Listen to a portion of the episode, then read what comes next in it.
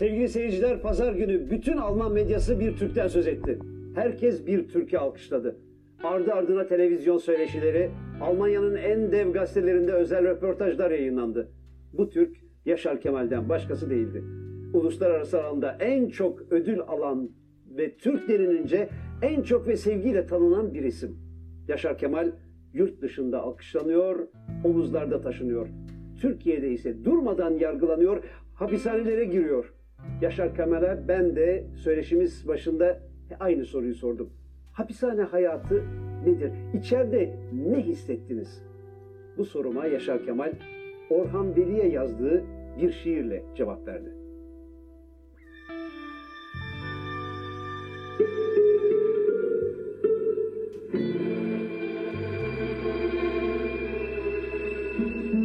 Akşam olur mahpushane kilitlenir. Kimi kağıt oynar, kimi bitlenir. Kiminin temizden evrakı gelir. Düştüm bir ormana yol belli değil. Yatarım yatarım gün belli değil. Mahpushane içinde üç ağaç incir. Kolumda kelepçe, boynumda zincir. Zincir sallandıkça her yanım sancır. Düştüm bir ormana yol belli değil. Yatarım yatarım gün belli değil.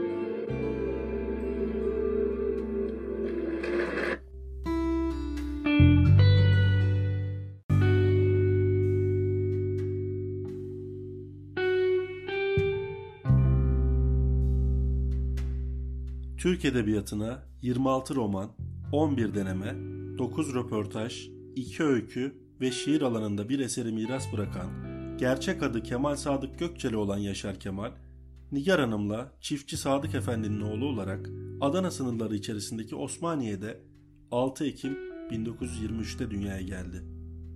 Birinci Dünya Savaşı yıllarında sırasıyla Diyarbakır, Urfa ve Antep'e giden Van Ercişli aile Son olarak da Adana'ya yerleşti.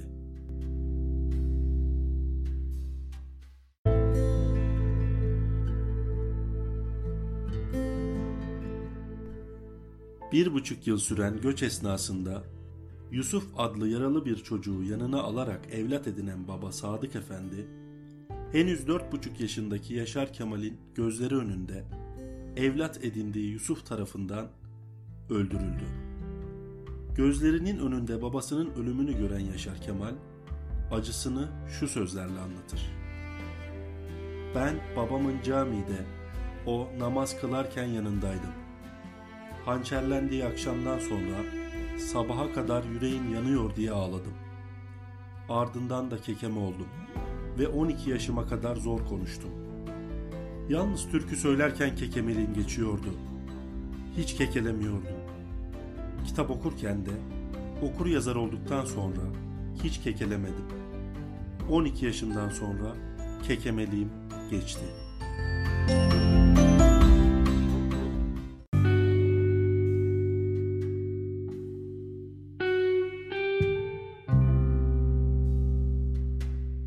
Küçük yaşta bir kaza sonucu sağ gözünü kaybetti.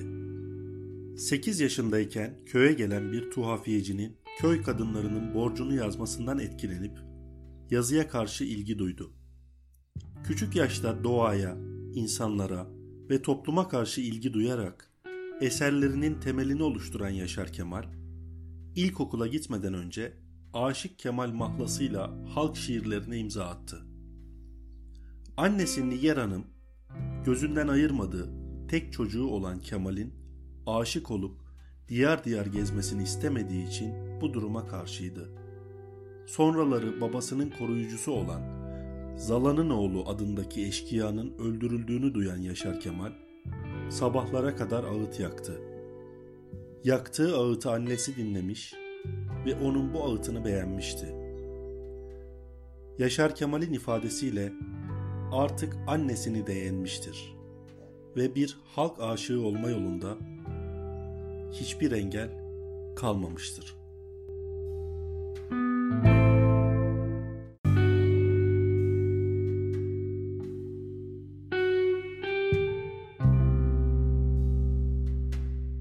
Ortaokul son sınıftan sonra eğitim hayatına veda eden Yaşar Kemal çalışmaya başladı.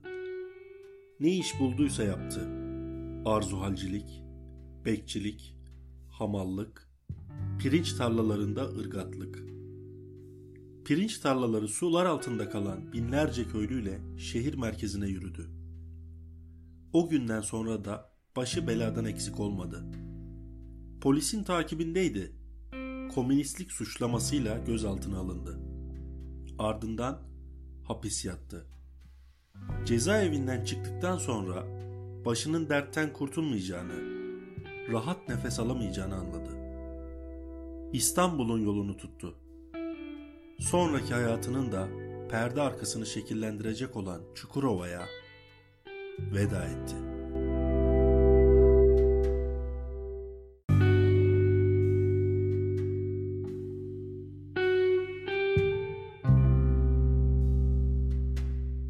Kuş uçmaz, kervan geçmez bir yerdesin. Su olsan kimse içmez. Yol olsan kimse geçmez. Gelin adamı ne anlar senden?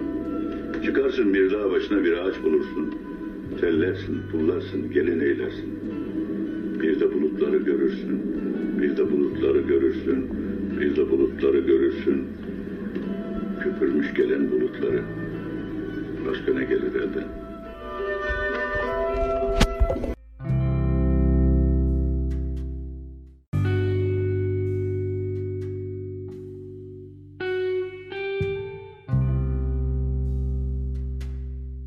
...1946'da Kayseri'de askerliğini yaparken ilk hikayesi olan Pis Hikayeyi yazdı.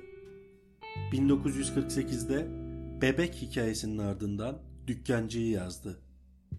1940'larda Adana'da çıkan Çığ dergisi çevresinde Pertev Naili Boratav, Nurullah Ataç, Güzin Dino gibi isimlerle tanışması, özellikle ressam Abidin Dino'nun ağabeyi Arif Dino ile kurduğu yakınlık, onun düşünce ve yazı dünyasındaki gelişimini önemli bir ölçüde etkiledi.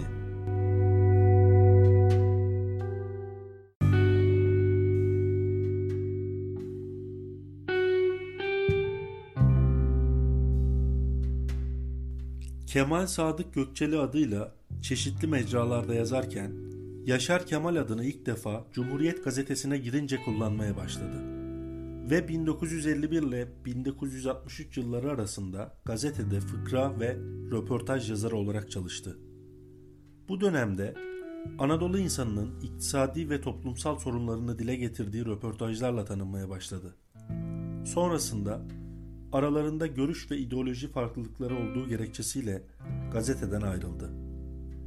1947'de İnce Mehmet'i yazdı. Fakat yarım bıraktı. 1954'te İnce Mehmet'i tamamladı. Roman, ağalara karşı Çukurova'nın yoksul halkına arka çıkan İnce Mehmet'in halk için savaşmasını konu almaktadır. 4 ciltten oluşan seri 39 yılda tamamlandı. İnce Mehmet yayınlandıktan sonra birkaç yıl içinde 35 dile çevrildi.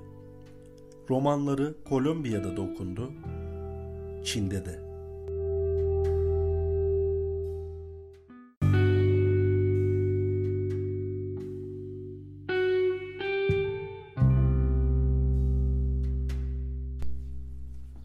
Romanlarının dışarıda kısa sürede yer edinmesinde eşi Tilda'nın emeği çoktu.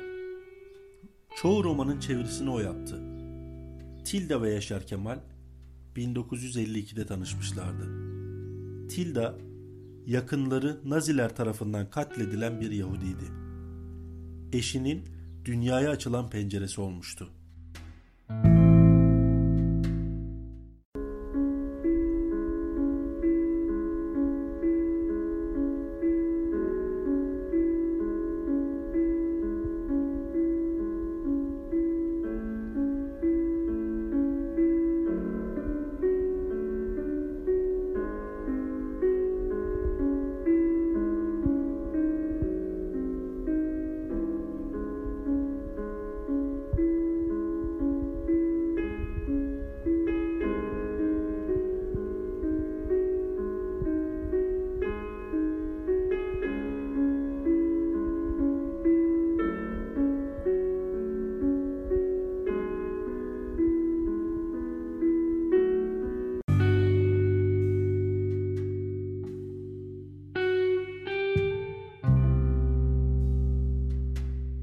Yaşar Kemal hem dünya hem de Türk edebiyatından etkilenmiştir.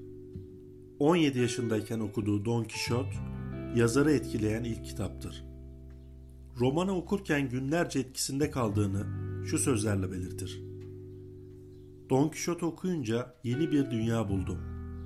Günlerce etkisinde kaldım. Cervantes bütün insanlığımı yüreğimde sakladığım birçok gizi açıklamıştı. Bir karanlığa gömülmüş, sonra da içimde bir yücelme olmuştu. Yaşar Kemal'in hemen her eserinde Anadolu, taşra ve kahramanlık temaları geçer. Motivasyonunu şöyle anlatır. Beni mecbur insanlar ilgilendiriyor. Aslında tam da romanlarındaki kahramanların hayatını yaşadı Kemal. Sıradan ama ölümsüz.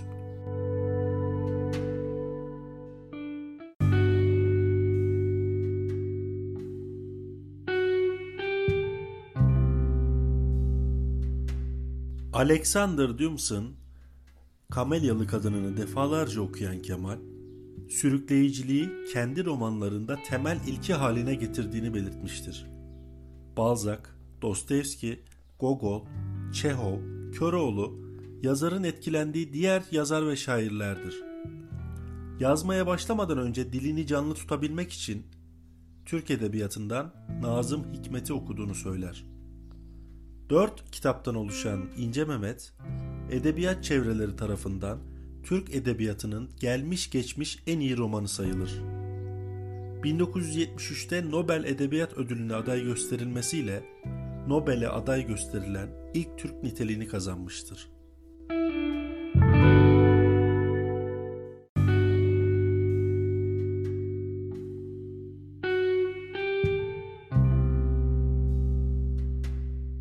...2001 yılının soğuk bir kış günü 50 yıllık hayat arkadaşını Tilda'yı kaybetti.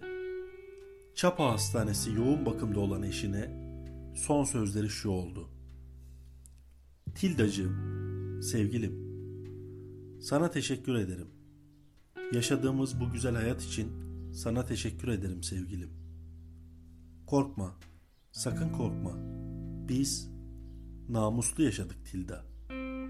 İyi insanlar olduk.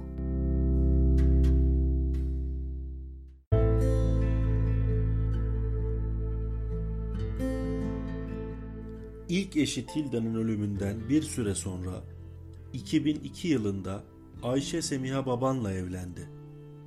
Yaşar Kemal son romanını 2013 yılında yayınladı. Tek kanatlı bir kuş. Toplumda bulaşıcı bir hastalık gibi yayılan korkunun destansı bir romanı. Ömrünün son iki yılı hastanelerde geçti. Büyük bir kısmı da yoğun bakımda. 2015 yılının 1 Şubat günü aramızdan ayrıldı. Ayşe Semiha, Yaşar Kemal'i kendi elleriyle önceki eşi Tilda'nın mezarına gömdü. Onların birbirlerine verdikleri sözü o yerine getirdi.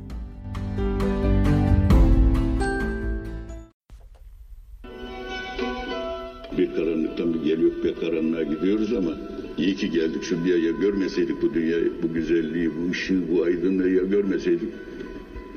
Yüz binlerce yıl görmedi hiçbirimiz şimdi buradakiler bu dünyayı, bu evreni yüz binlerce yıl görmedik biz değil mi? Şimdi bir defa gelmiş böyle bir talih ki bu. İyi ki geldik ben. Bana gelince ben ışığın destancısıyım, ışığın türkücüsüyüm. Ben iyi ki geldik diyenlerden biriyim.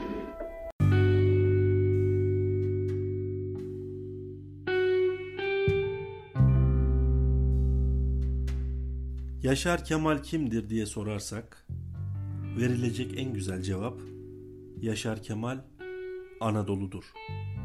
Ya da Said Faik'in deyimiyle Türklerin en Kürdü, Kürtlerin en Türkü. O güzel insanlar o güzel atlara binip çekip gittiler. Demirin tuncuna, insanın piçine kaldık.